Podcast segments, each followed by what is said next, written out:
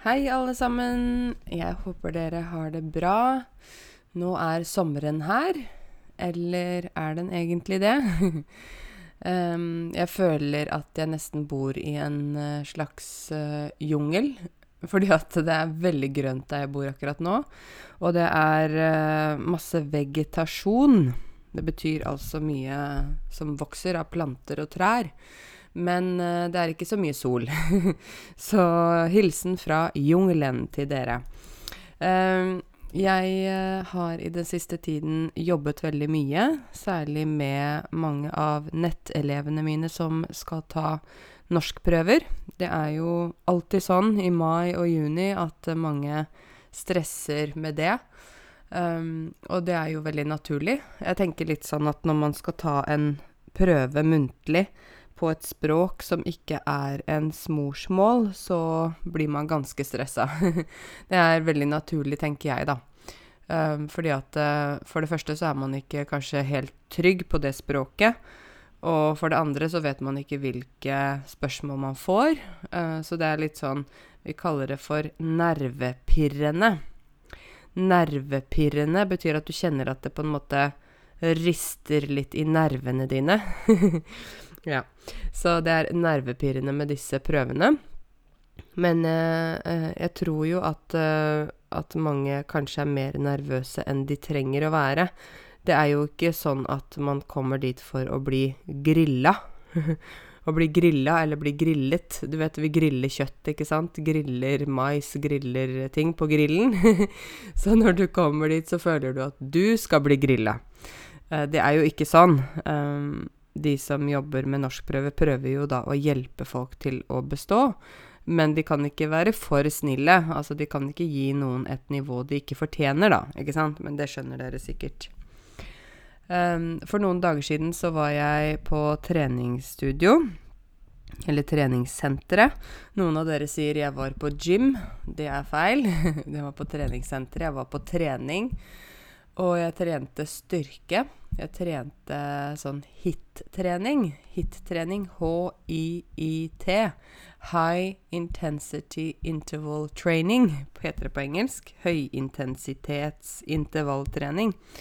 Og det er en type trening som er veldig effektiv. Um, da er det sånn at man tar f.eks. tre øvelser på, la oss si, armer. F.eks. Uh, ja, biceps, uh, triceps. Og så avslutter man med en pulstopp, altså en aktivitet som gjør at man får puls. Og så hviler man i ett minutt. Og så gjør man det samme igjen, og hviler i ett minutt, og sånn tre ganger. Det var ett sett. Og så gjør man gjerne da tre eller fire sett i løpet av en treningsøkt. Vi kaller det for treningsøkt. Treningsøkt betyr eh, den tiden du trener. Så hvis du sier at jeg hadde en veldig effektiv treningsøkt, så betyr det at du hadde en veldig bra trening, egentlig. Um, og hvor mange økter vi tar i uken, det er jo opp til oss selv.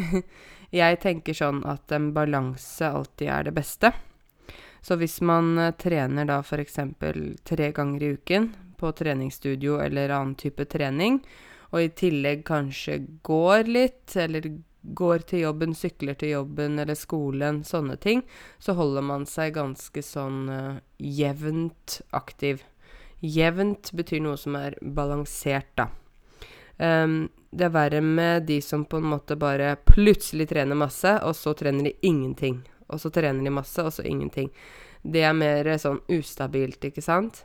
Uh, og jeg tenker det at um, det er jo naturlig for oss mennesker å holde oss i fysisk form og i aktivitet. Eh, fra naturens side, ikke sant. Den, den uh, gangen da vi levde i naturen Det er mange tusen år siden, kanskje, men da gikk vi mye. Vi løp, vi klatret i trær. Vi løftet ting, vi bar ting. Vi brukte kroppen for å lage ting. Altså, vi var mye mer fysisk aktive. Og jeg tenker at det er det som er naturlig for oss mennesker, da. Ikke det å sitte så mye i sofaen og, og bare slappe av. Det er jo egentlig veldig unaturlig. så jeg er veldig opptatt av å trene litt sånn jevnt. Prøve å holde meg i form. Jeg har sånn mål eller tanke om at jeg skal, alltid skal kunne løpe eh, ti kilometer uten problemer. Det er et sånn um, mål jeg har, eller sånn jeg tenker at det, sånn må det være. det er for meg, da. Um, fordi at hvis jeg ikke klarer det, så betyr det at jeg er i mye dårligere form enn jeg ønsker å være. Så å være i god form, eller å være i dårlig form når vi snakker om trening, det betyr å være liksom sterk og ha god kondis. Å ha god kondis betyr at man kan løpe lenge, man kan sykle lenge, altså man har en type stamina. Å være i dårlig form når vi snakker om trening, da betyr det at man ja, ikke er uh, særlig fysisk sterk, eller ikke har um, god kondis, eller er um, ja, lett blir sliten og sånne ting. Og så hvis man sier at man er i elendig form Elendig. Elendig er et sånt ord som betyr at det er helt veldig, veldig, veldig dårlig. Vi kan jo også si at uh, krig er elendig, ikke sant? Men hvis vi sier at vi er i elendig form, da er vi virkelig um, Ja, da klarer vi ikke mye, altså. Da er det vanskelig å gå opp en trapp, ikke sant? Så jeg tenker det at um, vi har jo selv et ansvar for å holde oss i form. Vi er voksne mennesker. Um, uh, I hvert fall her i Norge så er det sånn at barna lærer jo om uh, kosthold, ernæring. Ernæring, altså hva vi bør spise, hva vi ikke bør spise. Um, vi har uh, kroppsøving fra første klasse. Altså det betyr gym, da, eller en gang i uka, to ganger i uka har vi gym. Og da har barna forskjellige typer aktiviteter på skolen. De, det skal være variert. Eh, det er alt fra å spille basketball til å løpe stafett. Det er sånn at man løper frem og tilbake én og én, ikke sant? Eller gymnastikk eller uh, yoga eller uh, Ja, det kan være all mulig slags trening, men de har i hvert fall dette faget på skolen. Og jeg tenker at det er jo statens måte å ta ansvar for folket sitt på. Det at vi har obligatorisk uh, trening på skolen. I tillegg så er det jo veldig bra at eh, mange familier, i hvert fall her i Norge, er aktive med barna sine. Hvor da de voksne er aktive, og at uh, man kan være aktive som familie. her i Norge, og for oss nordmenn, så er det sånn at når det er fint vær, når det er blå himmel, og det er eh, varmt, ikke sant, det er behagelig temperatur, da er det veldig vanskelig å sitte inne. Særlig hvis man f.eks. det er en søndag.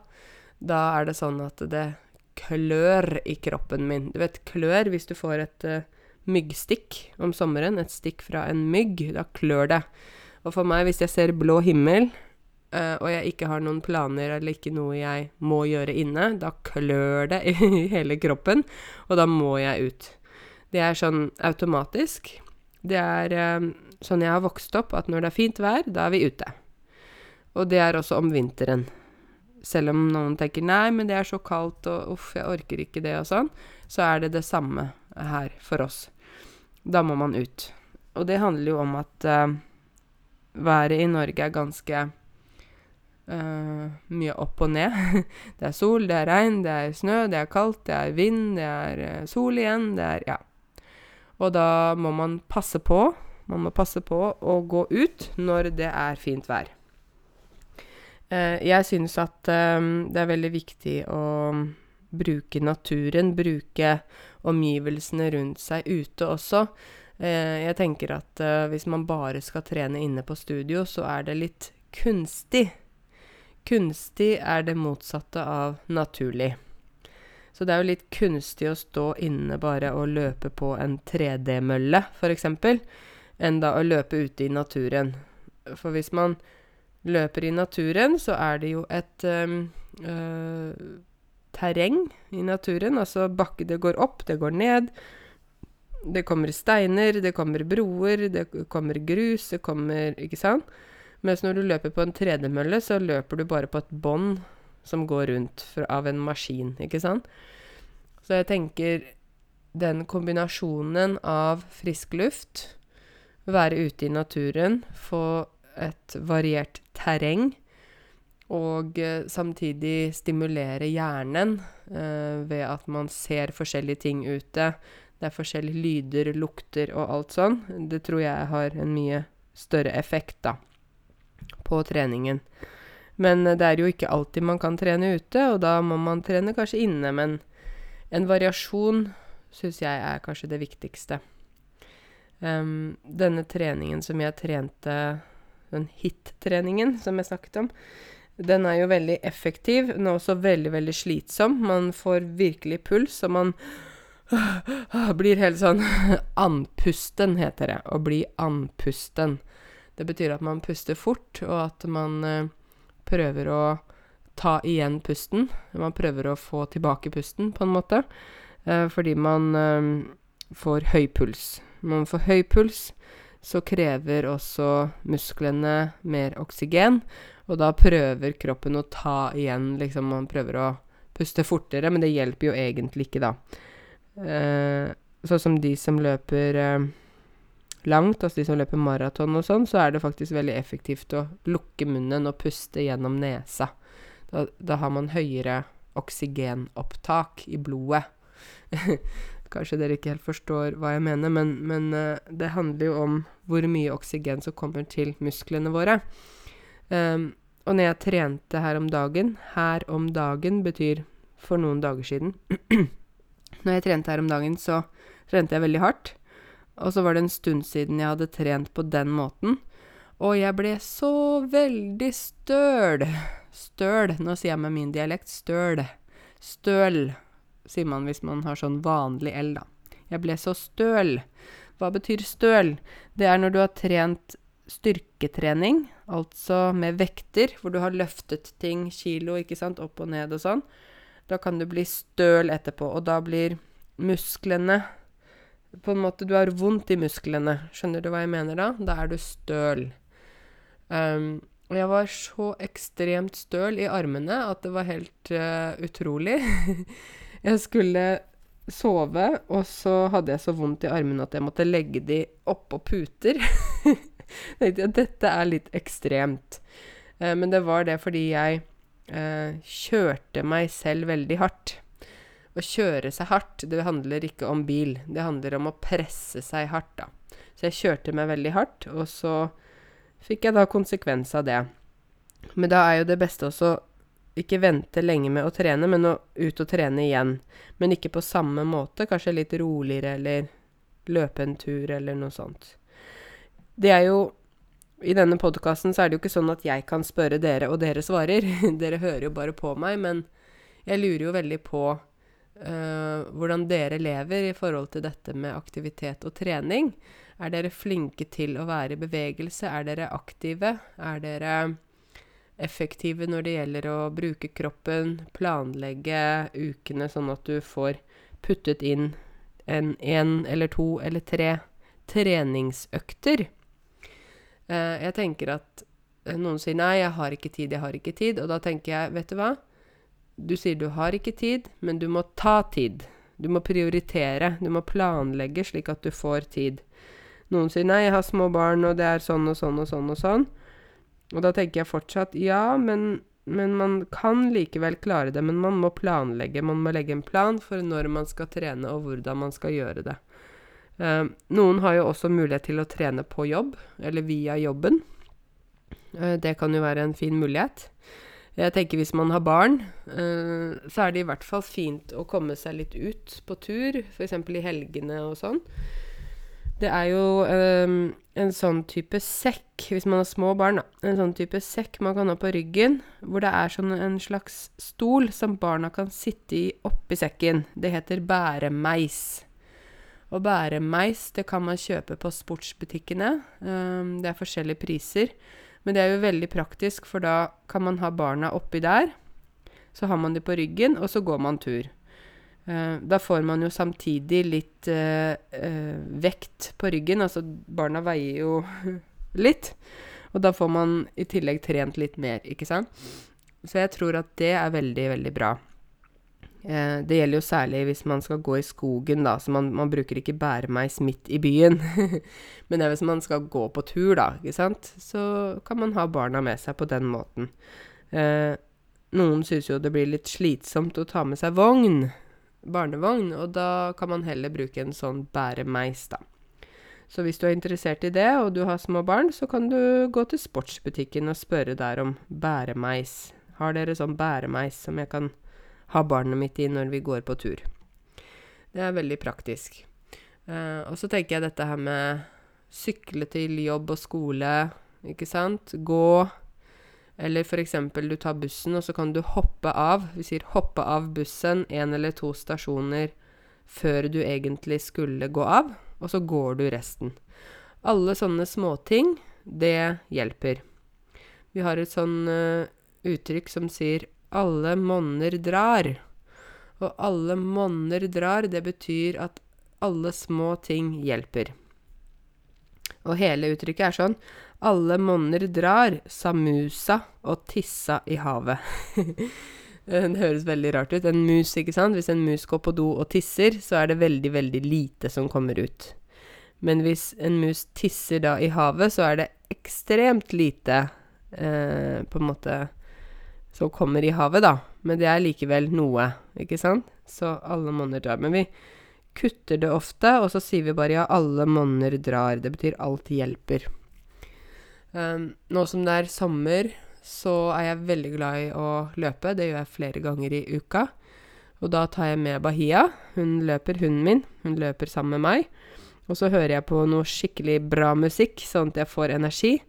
Og så løper jeg uh, ute. Og det syns jeg er veldig deilig. Det er slitsomt mens det står på. Det er slitsomt mens det står på. Altså det betyr det er slitsomt mens jeg løper. Men etterpå er det veldig deilig, og da sover jeg også mye bedre. Er det sånn med dere at når dere har trent og brukt kroppen og blitt sliten, ikke bare sliten fordi du har sittet og lest norsk eller jobbet, men fordi du har brukt kroppen fysisk, da sover man ofte mye bedre. og hvis man har det vanskelig, hvis man har mye å tenke på, problemer, øh, stress, da er det veldig bra å trene, og det er også viktig å trene. Um, fordi at hvis man bare sitter og tenker og tenker og uff og uff og uff Uff, sier vi når noe er forferdelig. Uff, uff, uff. Da blir det i hvert fall ikke bedre. Så det er mye bedre å, å komme seg ut og svette litt, bruke kroppen, og så får du en slags Ja, det, det er akkurat som noe letter. Å lette. At noe letter betyr Du vet hvis du har 100 kilo på skuldrene dine 100 kilo stress, bekymringer og så tar du og trener, så er det så letter det. Det betyr at de kiloene går av skuldrene dine. Du har ikke like mye stress lenger. Vi kan også si 'jeg føler meg lettet'.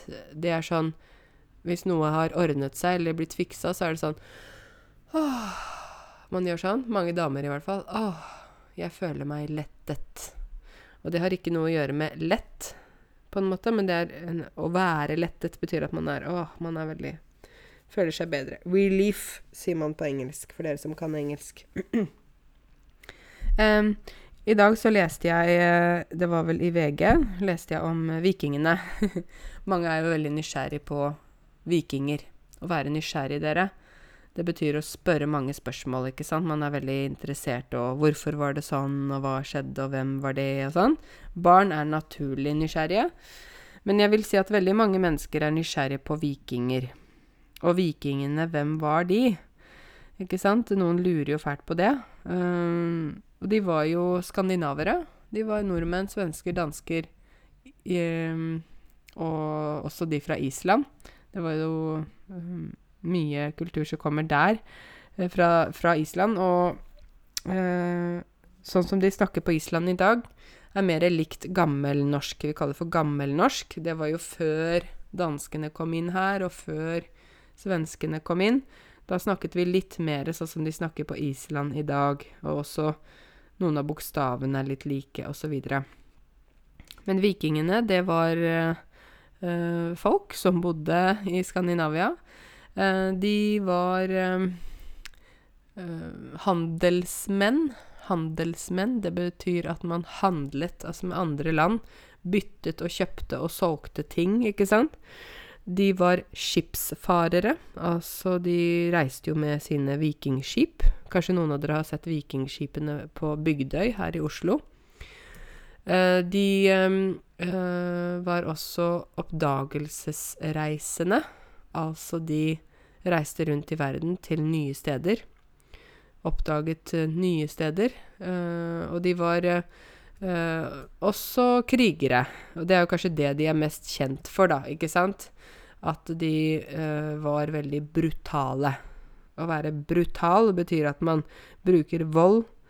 Man, man har ingen empati, ingen følelser for de man er slemme mot. Man er jo egentlig slem når man er brutalt Oppfører seg brutalt. Og jeg tror at det er det som de fleste kjenner igjen. Å, vikingene, uff, nei, de var veldig slemme, og de var uh, helt gale, og de var sånn. Men sannheten er at de fleste vikingene reiste jo ikke ut. De fleste vikingene bodde jo her i Norge og Sverige og Danmark og sånn. Og de levde uh, ofte et liv på bondegård. De hadde et mer sånn samfunn som var ordnet ved at det var kanskje en eh, en um, husbonde, eller en uh, Ja, det er litt sånn rare ord, da. Njål. Jeg sier ikke dere noe, men det var um, husbonde og hustru. De var kanskje de som eide gården, og så hadde de barn, og så hadde de folk som bodde på gården og jobba der. Og så tok de De som vikingene som reiste ut, de hentet uh, slaver tilbake til Norge fra f.eks. Irland. Og de slavene kalte de for treller. Um, og de trellene måtte gjøre som de ble fortalt. De kunne ikke velge. Uh, de måtte være med å lage mat og passe barn og sånne type ting. Og det var jo Kvinnene i dette vikingsamfunnet hadde en veldig sterk posisjon. Um, jeg vet ikke om det er derfor norske kvinner er som de er i dag, men uh, det kan jo være en sammenheng. At noe er en sammenheng, betyr at det hører sammen, det passer sammen. Det kan være en sammenheng mellom vikingkvinnen og den norske kvinnen i dag. Um, for vikingkvinnen var tøff, uh, var sterk, hadde egne meninger, hadde mye makt. Uh, hadde ofte nøklene til alle dørene på gården. Uh, og var veldig sånn Uh, ja. Du kunne ikke diskutere med henne. Det var sånn det var. Og jeg tenker at uh, litt sånn er det kanskje med norske damer i dag òg. eh, de um, bestemmer selv. de vet liksom hvordan ting skal være, og de Ja, det er litt sånn De er ganske steile. Å være steil betyr at man er sta. Man vil ikke høre noe noe annet, uh, egentlig. Det er bare sånn det skal være. Um, så jeg tenker at um, Jeg syns kanskje at vikingene har litt sånn um, dårlig rykte noen ganger. At uh, folk uh, sier at 'å, vikinger, uff, nei, det var de gale folka'.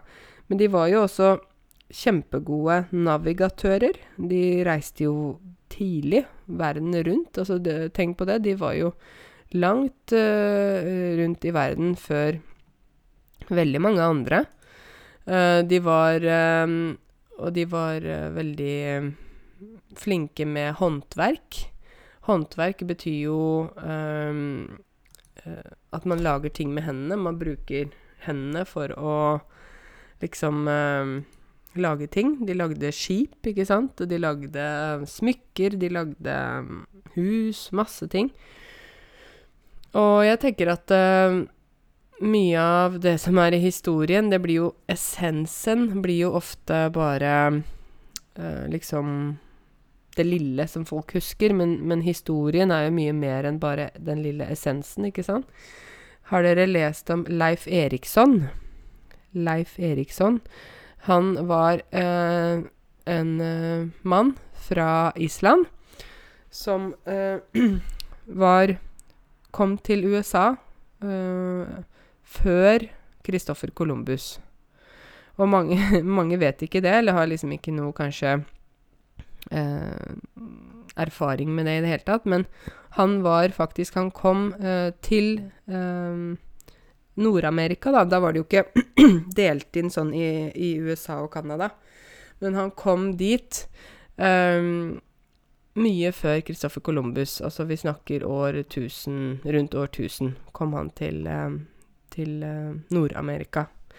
Og det er det mange som kanskje ikke veit. Det er jo faktisk en, eh, en statue av han som står utafor um, en katedral i Minnesota i USA, altså Leif Eriksson. Dere kan jo lese om han selv hvis dere har lyst til å finne ut litt mer.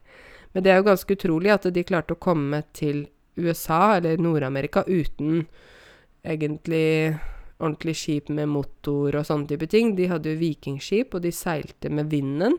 De hadde mye kunnskap om havet, vinden, strøm, strømningene i vannet. For å, for å, kunne seile så må du ha mye kunnskap, og de, eh, han kom faktisk helt over, over dit. Til eh, ja, det som man da kaller for Newfoundland eh, i Canada i dag, da. Men vi kan jo si det var Nord-Amerika generelt. Så les om det, er ganske spennende. Leif Eriksson. Um, når det gjelder eh, vikingene, så hadde jo de en egen religion. Jeg har vel snakket litt om det før, at de hadde en, en sånn derre eh, religion med mange guder. Det, er det syns jeg er ganske fascinerende og ganske spennende å lese om, egentlig. Det var eh, ja, forskjellige eh, guder som de hadde, og de ba til de på forskjellige måter. For eksempel hadde de en guden for kjærlighet. Det var Frøya. Og det er jo noen nordmenn som kaller barna sine for Frøya i dag. Jeg har en venninne som har en datter som heter Frøya. Kjærlighetsgudinnen. Så hvis man ville at det skulle gå bra i kjærligheten, så ba man til Frøya. Eh, det samme gjorde man hvis man ville få barn og hadde problemer med å få barn, så ba man til Frøya. Men det samme dere finner vi jo også f.eks. i gresk mytologi, altså fra Hellas. Da hadde man jo Afrodite, ikke sant? Så det er noen sånne paralleller. Altså parallell betyr det som er på samme linje, da. Også i andre samfunn. Man har jo uh, egyptisk mytologi, mytologi, uh, gresk mytologi, norrøn mytologi, altså vikingenes guder, osv. Uh, Veldig spennende. Uh, interessant å lese. Det var jo en sånn tegneserie, altså cartoon, som har blitt laget om vikingene, som heter Valhalla. Jeg vet ikke om den produseres nå lenger, men jeg husker at jeg leste det da jeg var liten. Valhalla, V-A-L-H-A-L-L-A. Valhalla. Du kan jo se på biblioteket om det finnes noe. Og så Eh, Valhalla for øvrig var jo paradis for vikingene. Det var dit de reiste når eh, Hvis de døde i kamp eller døde i krig. Det ville de gjerne. De ville gjerne dø i kamp. det høres veldig rart ut, men for dem så var det sånn at hvis de døde i kamp, da ville de automatisk komme til Valhalla. Noen av dere kjenner Paradis for kristne, Jenna for muslimer, eller ja. Hvis de kom da til Valhalla, så der var det eh, så mye øl du bare ville drikke. Og ølet til vikingene kalte de for mjød. Du kunne drikke så mye mjød du ville, og vikingene var veldig glad i å drikke mjød. Og eh, det var masse, masse vakre damer der. Du kunne bare kose deg med dem. og det var eh, en stor gris, kjempestor gris, som lå midt på et bord. Vikingene likte å spise kjøtt. Så denne grisen kunne de kutte kjøtt og steike og spise og spise, og så neste morgen, da var grisen like stor igjen. så hver dag så, så kunne de liksom eh, spise, og grisen ville bli like stor og klar for Klar for ny eh, Ja, ny, ny dag.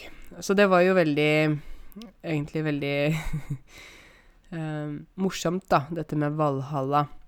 Eh, og vikingene hadde egentlig allerede et veldig godt organisert samfunn. Ikke sant? De hadde sånne småkonger her og der rundt omkring i Norge. De hadde laget uh, sitt eget rettssystem. Uh, de hadde ting, altså du vet tinghus, der lover og regler ble vedtatt, ble bestemt. Så har vi i dag uh, navnene, disse vikingnavnene, har vi fortsatt f.eks. For borgarting, lagmannsrett. Det er sånn høy, eh, høyrett hvis det er noe stor sak som man anker, altså en uh, rettssak som man anker, slik at man må gå til høyere og høyere høyere. Sånn Supreme Court, kaller man på engelsk. Og så er det Gulating. Og dette er sånne vikingnavn, ikke sant. Det har vi valgt å beholde, da. Uh, så de hadde sitt eget rettssystem. Eh, de hadde sin egen religion. De hadde uh, alle mulige yrker, egentlig. Uh, alt fra de som lagde skip, til de som ja, reiste ut og jobbet som handelsmenn. Altså alle mulige sånne type ting. Og barn og voksne levde sammen. Barna ble, gikk jo ikke på skole og lærte ABC, ikke sant? Fordi de hadde heller ikke ABC. De hadde runer. De hadde et runealfabet som var annerledes fra det som vi har i dag.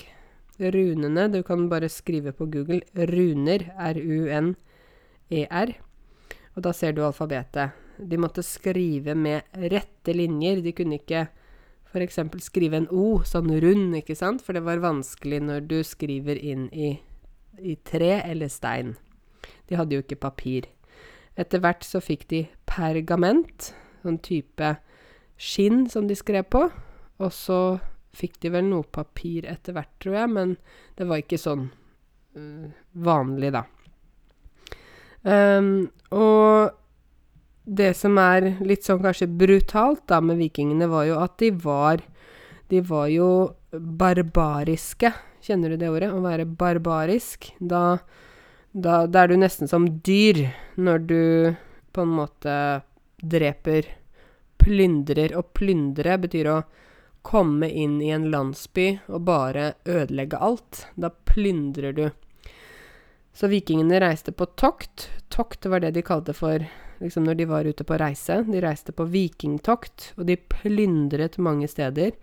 De har jo vært nedover i Nord-Afrika. De har vært bortover mot uh, Tyrkia, India. De har vært i Nord-Amerika. De har vært mange steder i Europa. Så de reiste virkelig rundt. Uh, og jeg tror at på den tiden så var de fryktet. De var virkelig fryktet, fordi å være fryktet betyr at folk er redd for deg. Fordi de hadde et veldig sånn uh, skummelt rykte. Et rykte, du vet uh, når, når, folk på en måte snakker om deg, uh, positivt eller negativt, og så vet mange om dette her. Jeg vet f.eks. jeg vet ikke hva slags rykte jeg har blant dere som hører på meg, men jeg håper at jeg har et godt rykte. At folk tenker på meg på en positiv måte. men uh, hvis man har et dårlig rykte, så betyr det at når folk hører navnet ditt, så er det 'Å ja, uff da. Hva er den personen, ja'. Ja. Og vi kan jo spre rykter. Og spre betyr jo at ryktene går utover til mange. Og da øh, Det er ikke så bra, for av og til er det jo falske rykter. Ting som ikke stemmer, ting som ikke er riktig. Og da blir det jo en stor konsekvens for den som har fått uh, dette dårlige ryktet på seg, da, ikke sant. Men vikingene hadde et ganske dårlig rykte. Folk fryktet dem, de var redde for dem. Og de har satt sine spor. Å sette sine spor betyr at man har uh, merket noe i historien som folk ikke glemmer. For eksempel, jeg håper at jeg har satt mine spor for dere som lærer norsk. um, og det er mange som har satt sine spor, selv om de nå er borte. ikke sant? Eksempel Nelson Mandela. Eksempel mor Teresa. De har satt sine spor i historien. Så det gjorde vikingene. Uh, og i dag hvis jeg sier ja, jeg kommer fra Norge, å, hvor er det? Nei, det er det landet der det var viking. Å, viking, ja! Oi, å, viking. Så tenker jeg ok, hva betyr det? Betyr det at du tenker at jeg er sånn? at jeg er barbarisk og brutal? Nei da. Men jeg, jeg tror bare det ryktet til vikingene, det har forblitt. Å forbli, det betyr at noe ikke forsvinner. Det har forblitt i historien. Så Sånn er det med det. Men uh, jeg kan godt si at jeg er en viking, jeg. Jeg er jo en tøff dame. Og sterk dame, så det er helt ok. Jeg kan være viking. Det er greit for meg. Nå nærmer jo sommeren seg, uh, og i hvert fall her i Norge så er det veldig sånn vanlig å stille spørsmål til hverandre. Hva skal du i sommer? Hva skal du gjøre i sommerferien? Har du noen reiseplaner? Hvor skal du reise? Um, jeg synes det er litt uh, irriterende av og til. For det er litt sånn Her i Norge så er vi jo ikke så mange mennesker. Vi er hva, 5,3 millioner.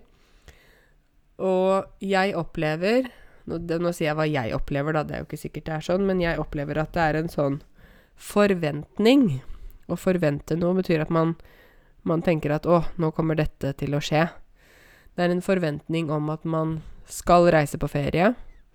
Man skal reise til varmeland, f.eks. Man skal gjøre sånn og skal gjøre sånn. Og hvis man ikke gjør det, så er det litt rart.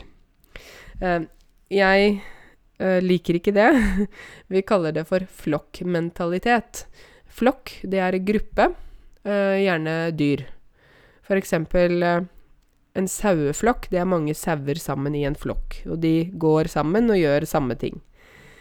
Flokkmentalitet betyr at man, man tenker at man gjør det andre gjør. Ikke det at man sier 'jeg skal gjøre samme som alle', men man bare gjør det. Og her i Norge opplever jeg litt det, at det er litt sånn flokkmentalitet. At når det er sommer, da skal alle reise til Syden. De sier Syden. Har du hørt det før? Jeg skal til Syden. Syden er da ikke et land. Eh, det er mange land. Det er land i sør. Og da snakker vi om Hellas, Spania, Bulgaria um, Ja, ikke Italia, egentlig. Det er sånne land der det har vært charterreiser. Chartertur betyr at man har en sånn pakketur da, med hotell og flybillett og mat og buss, og alt er inkludert. Charterreiser. Så hvis noen du kjenner sier 'jeg skal til Syden i sommer', så kan du spørre 'å ja, men hvor da?' Fordi Syden er jo ikke et land. Men mange nordmenn liker å reise til Syden om sommeren, og det er fordi de vil sikre seg sol. For Norge er jo litt ustabilt når det gjelder vær.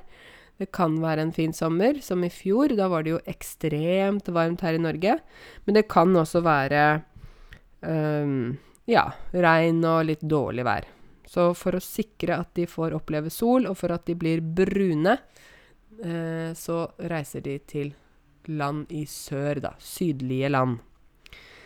Um, jeg har ikke så store reiseplaner i sommer, egentlig. Jeg tar det på sparket. Å ta noe på sparket betyr at man, man, bare gjør det som man tenker passer der og da. Eh, det eneste jeg må passe på, er at jeg må få hundepass til min hund, Bahia. Og det tror jeg at jeg fikser. Hun er jo veldig grei. Det er jo ofte mammaen min som passer henne, men jeg har også andre som kan passe henne, da. Så jeg tror jeg skal en tur til Bulgaria. Uh, det er Syden. Nei da, jeg skal jobbe sammen med en kollega av meg som uh, jobber sammen med meg med suggestopedi. Uh, Lise Hartmark. Hun er veldig tøff dame. Hun jobber i IMDi.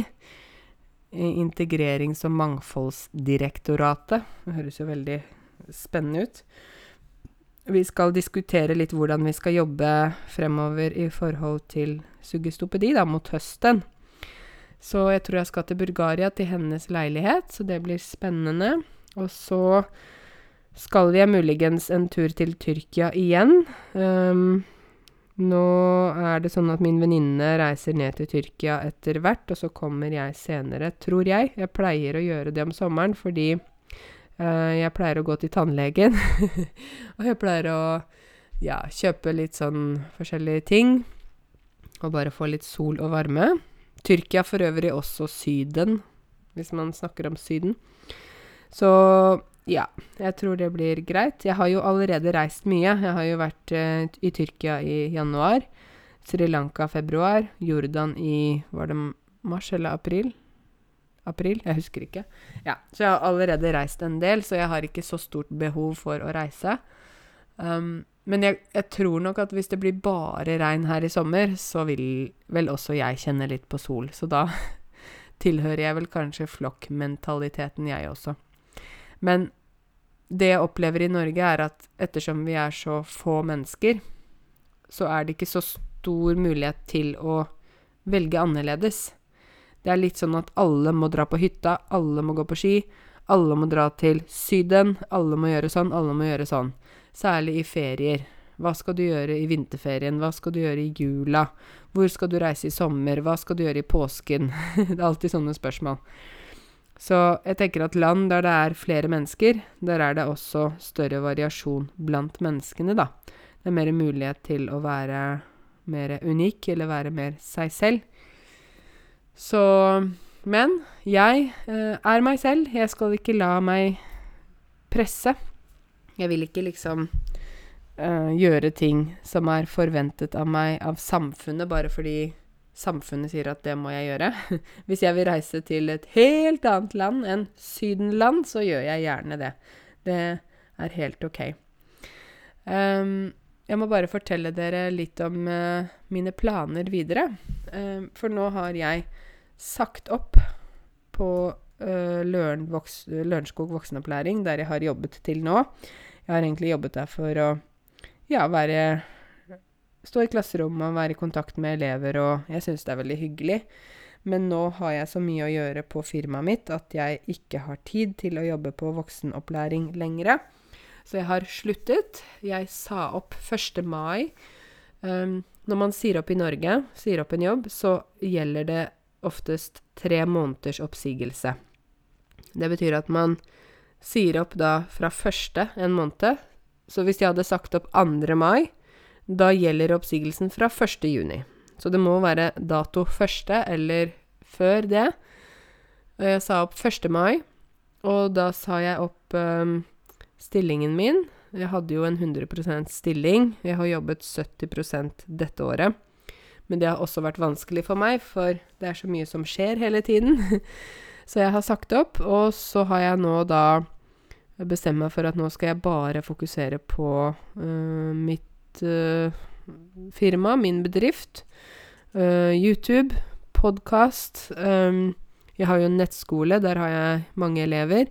Og så tenkte jeg utover høsten at jeg skal ha en del kurs, norskkurs, i Oslo-området. Um, men det, det, kommer ikke til å bli sånn at jeg lager en skole med en gang. For dere vet, når man har en bedrift, et firma, så kan man ikke Man kan ikke putte alle egg i samme kurv. Skjønner du hva jeg mener? Man må gjøre Man må ha Balansere litt. Man kan ikke bare gå all in og bare si OK, når starter jeg skole? Nå er det sånn og sånn. Jeg må ta det gradvis. Å ta noe gradvis betyr at man tar det rolig, og, og at veien liksom blir til mens man går, da. Så det har jeg tenkt å gjøre. Jeg skal ha tenkt å ha noen eh, norskkurs. Det blir i Oslo. Jeg kommer til å annonsere, eller fortelle det på Facebook-gruppen min særlig.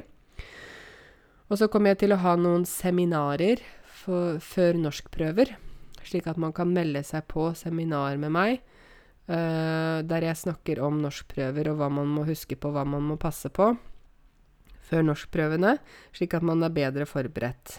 Å være forberedt betyr at man er klar, ikke sant? Uh, og det håper jeg at det kommer til å bli uh, bra, fordi jeg vet jo mye om disse prøvene, og jeg vil gjerne dele det jeg vet, men det er litt lettere hvis jeg er i et rom med, med dere, at jeg kan se dere og snakke med dere. Dessverre så kan jeg ikke være over hele landet, ikke sant? Jeg bor i Oslo, så jeg kan ikke reise over hele landet, for jeg har jo også en hund som jeg må passe på, så jeg kan ikke la hun være alene. Og jeg kan ikke spørre folk hele tida 'Kan du passe? Bahia, kan du passe?' så Men vi får se. Og så tenkte jeg også etter hvert at jeg skal ha litt sånne livesendinger på Facebook-gruppen min. Eh, for nå er det såpass mange der i det samfunnet. Det er jo nesten blitt et lite samfunn nå, med 15 000 medlemmer. Kaffen min blir kald. jeg må drikke litt. Så jeg tenkte at jeg skulle gjøre det. Um, så jeg har mange planer, jeg har mange ting jeg skal gjøre. Og utover høsten skal jeg også være med på konferanser. Og øh, det blir stadig mange uh, ting som skjer, der jeg får mange forespørsler om jeg kan gjøre sånn og gjøre sånn, og kan du være med på det, og kan du gjøre sånn. Så jeg tror dette blir spennende. Jeg gleder meg veldig mye til å bare jobbe med mitt eget. Og ikke ha én fot i to leire. Det betyr hvis man har én fot i to leire, da har jeg liksom én fot på voksenopplæringen og én fot i firmaet mitt. Det blir litt sånn vanskelig. Det er bedre å ha begge føttene på ett sted, ikke sant? I én leir på ett sted. Så jeg skal ha begge føttene på ett sted og jobbe med firmaet mitt. Så det blir uh, YouTube. Det blir det mer av, for da får jeg mer tid. Det blir podkast. Det blir eh, blogg, forhåpentligvis. Den må jeg også starte med. Det blir eh, konferanser, det blir seminarer, det blir norskkurs. det blir veldig mye. Så jeg gleder meg masse, masse, masse. Håper å se noen av dere, kanskje da fysisk, utover eh, høsten. Og så igjen så sier jeg at uh, hvis du ser meg på gata, eller hvis du ser meg der du bor, for det er jeg jo litt rundt, så er det så hyggelig hvis du kommer og sier hei. Det setter jeg stor pris på, for dere vet at jeg ikke vet hvem dere er, og da er det veldig verdifullt å kunne si hei, og hvis dere har spørsmål og sånn, at dere kommer opp til meg og hilser på. Det, det syns jeg er veldig koselig. Så hvis du ser meg, så velkommen til å si hei. Ok, da håper jeg at du har lært litt om både vikinger og trening og alt mulig. Det ble litt god blanding, dette her, men uh, sånn er det jo da når jeg sitter og prater og tenker samtidig. Jeg ønsker dere alle en god uke, og så høres vi snart igjen. Ha det godt, og takk for at du hørte på.